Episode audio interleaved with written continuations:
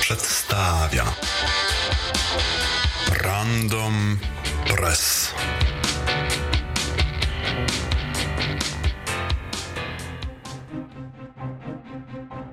Dzisiaj na śniadanie posiłek był jarski, bo w systemie gościł Marek Piotr Stolarski.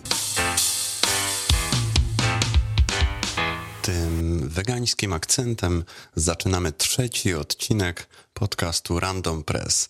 Dzisiaj jest niedziela, godzina 21, 17 marca 2019 roku. Ciekawą historią dzieli się na swoim blogu firma Kasperski, popularny producent popularnego antywirusa. Opisuje ona ciekawy sposób przejmowania instagramowych kont od przestraszonych influencerów i buźkowatych buziaczków. Mianowicie wysyłane są do nich fałszywe oskarżenia o naruszenie praw autorskich. Fałszywe oskarżenia o naruszenie praw autorskich to jedne z tych fałszywych oskarżeń, na które często łapią się internauci razem z innymi oskarżeniami, na przykład o oglądanie porno w domowym zaciszu, gdy potencjalny napastnik rzekomo przejął naszą kamerę. Instagramowicze, którzy dali się złapać na fałszywe wiadomości mailowe, muszą pogodzić się z przejęciem swoich kont, ponieważ guzik review, co oznacza przegląd skargi, wcale nie jest guzikiem do tego, aby przejrzeć jakąś skargę, ale guzikiem, który spowoduje przekierowanie do strony pozyskującej informacje uwierzytelniające użytkownika i w rezultacie przejęcie jego konta przez złowrogich napastników. Opisywana jakiś czas temu luka w popularnym oprogramowaniu archiwizującym WinRAR, która pozwalała wypakować e, plik do dowolnego miejsca systemu plikowego, do którego dostęp ma użytkownik korzystający z oprogramowania, jest już aktywnie wykorzystywana. Warto przypomnieć, że WinRAR jest użytkowany przez blisko 500 milionów użytkowników na całym świecie. Wśród nich znajdują się na pewno tacy, którzy jeszcze nie dokonali aktualizacji. Kolejny producent antywirusa, wspominany w tym wydaniu podcastu, firma McAfee, zidentyfikowała już eksploity, które dystrybuowane są z użyciem serwisu BitTorrent i na Twitterze. Użytkownicy, użytkowniczki, aktualizujcie wasze kopie WinRara. Większość kojarzy pewnie firmę Citrix. Znana jest głównie z usług terminalowych w systemach Windows. W zeszły piątek Citrix wydał oświadczenie, w którym przyznaje się do tego, że napastnicy o nieustalonej jeszcze tożsamości dokonali inwazji ich zakładowej sieci. Zgodnie z oświadczeniem firmy, do włamania doszło 6 marca, a napastnicy pozyskali dokumentację biznesową, natomiast żadnych danych, które umożliwiałyby prowadzenie ataków skierowanych w klientów. Jest to o tyle ważne, ponieważ Citrix zarządza wirtualnymi sieciami prywatnymi w blisko 400 tysiącach organizacji na całym świecie. I wyskoczymy na chwilę z tej bezpiecznikowej bańki, aby zająć się czymś kreatywnym.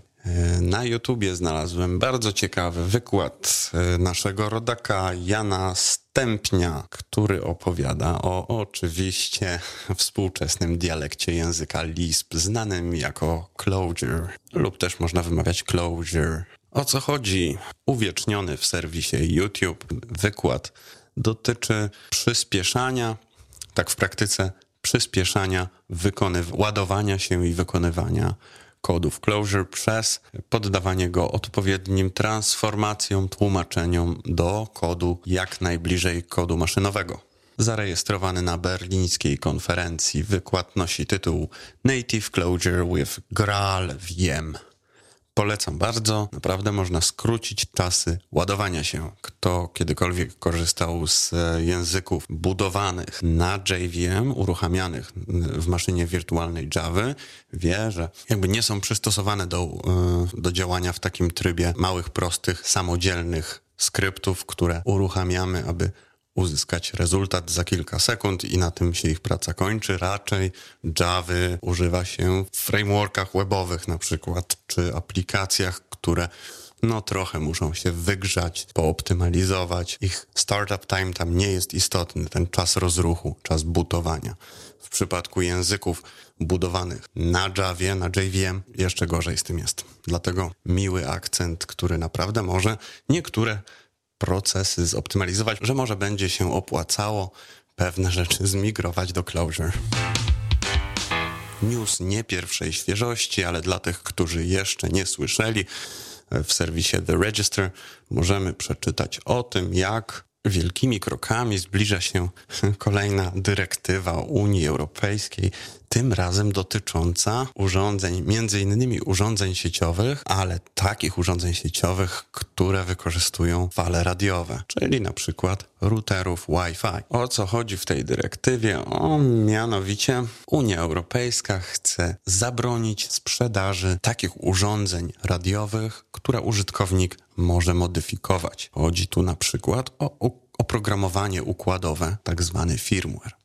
Jeżeli do tego dojdzie, to załapią się na to również bezprzewodowe routery, e, w których bardzo często mamy do czynienia z instalowaniem przez użytkowników lepszych, wolnych odpowiedników systemów, które zawiadują tymi urządzeniami. Na przykład OpenWRT, czy e, jeżeli ktoś pamięta DDWRT i tego typu środowiska. Badacze znający się na temacie martwią się, że do, dojdzie tutaj do zahamowania innowacji, szczególnie jeśli chodzi o Internet of Things, czyli te wszystkie nasze małe urządzonka, które pomagają nam, integrują się z naszą codziennością w stylu automatyczne termostaty czy lodówki, żarówki, które zapalają się, gdy wchodzimy do domu i tak dalej, i tak dalej, ponieważ innowacja w tej dziedzinie jest w dużej mierze napędzana przez ochotników, którzy swawolnie podmieniają sobie oprogramowanie układowe właśnie w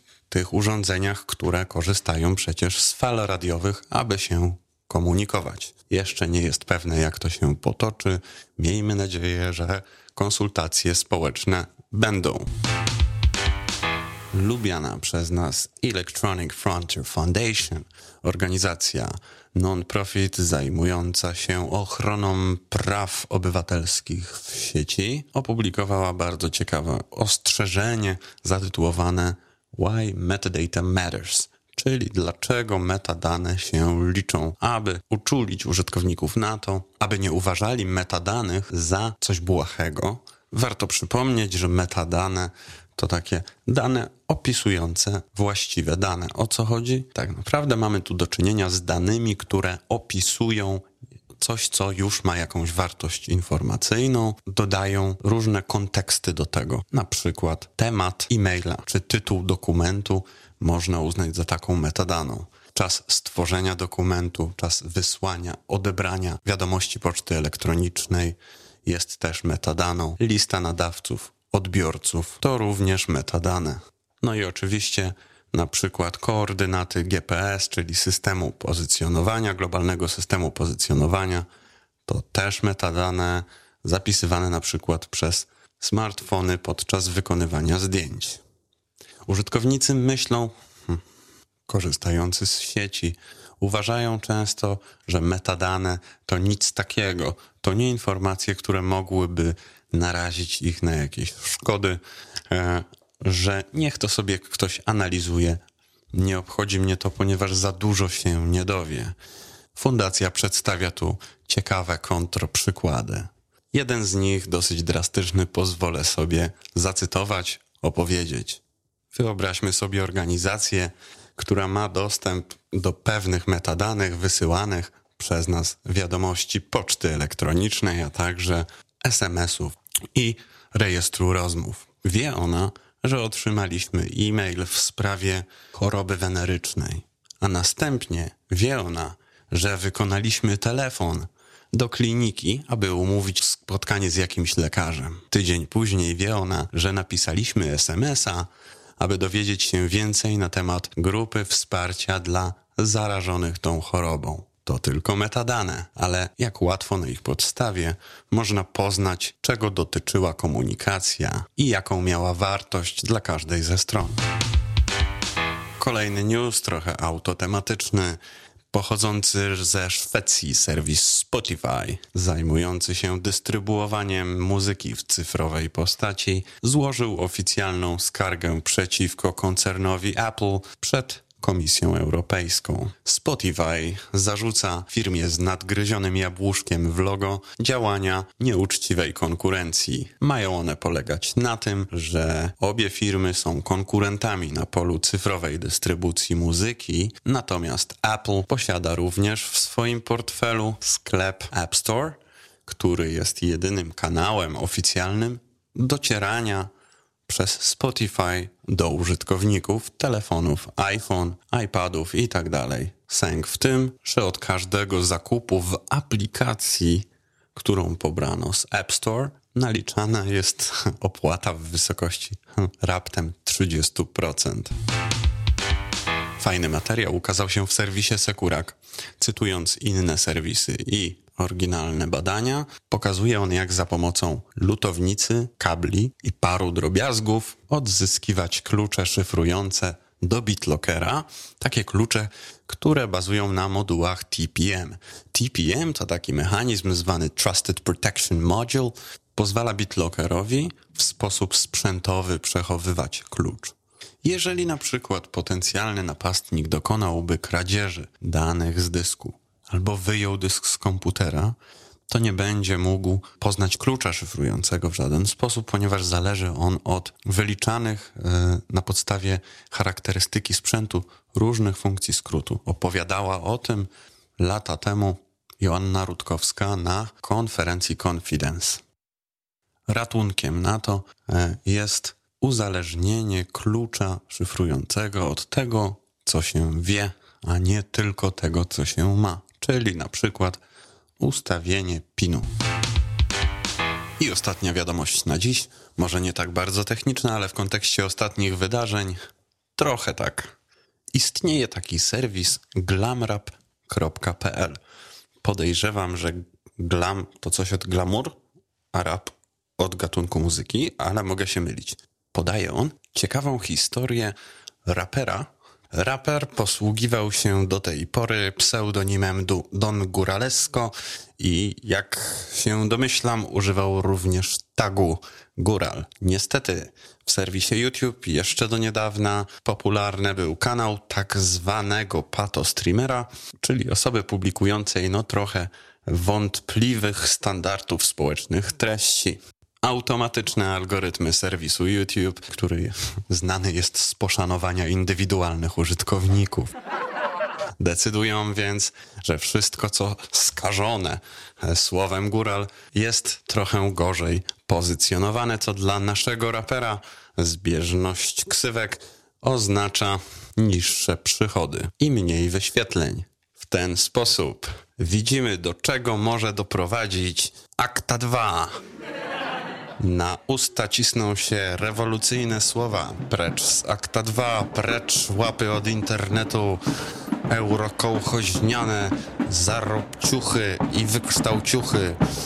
Nie będziecie nam tu zmuszać YouTube'a, żeby filtrował. On już i tak robi co tylko może, żeby filtrować nasze treści. No, a raperowi oczywiście współczujemy konieczności zmiany ksywy, a może i serwisu w którym publikuje swoją twórczość. To by było na tyle. Miłej nocki lub wesołego poranka i do usłyszenia za tydzień, a może nawet za dwa tygodnie, ponieważ trochę bym przyłożył się do rozwijania bardziej takich hardkorowych treści. Nie tylko podcasty w życiu się liczą. Czeka na mnie jeszcze kilkanaście odcinków o Closure. Jeżeli ktoś jest zainteresowany, zapraszam. Muszę je przeredagować i popoprawiać w nich odnośniki. Pozdrawiam.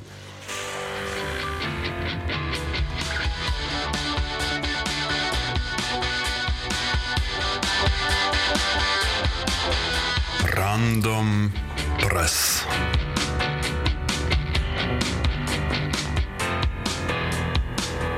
Na wariatów, outsiderów, dla wygnanych członków kleru, dla biedaków, dygnitarzy, dla niedzielnych stulejarzy, dla adminów, programistów, agile'owych teamów 300, dla DevOpsów, pentesterów, top-notchowych bug-hunterów, dla hakierek i hakierów, klożurystów i lisperów, dla ćwiczących gdzieś dla masy. Randomowy przegląd prasy.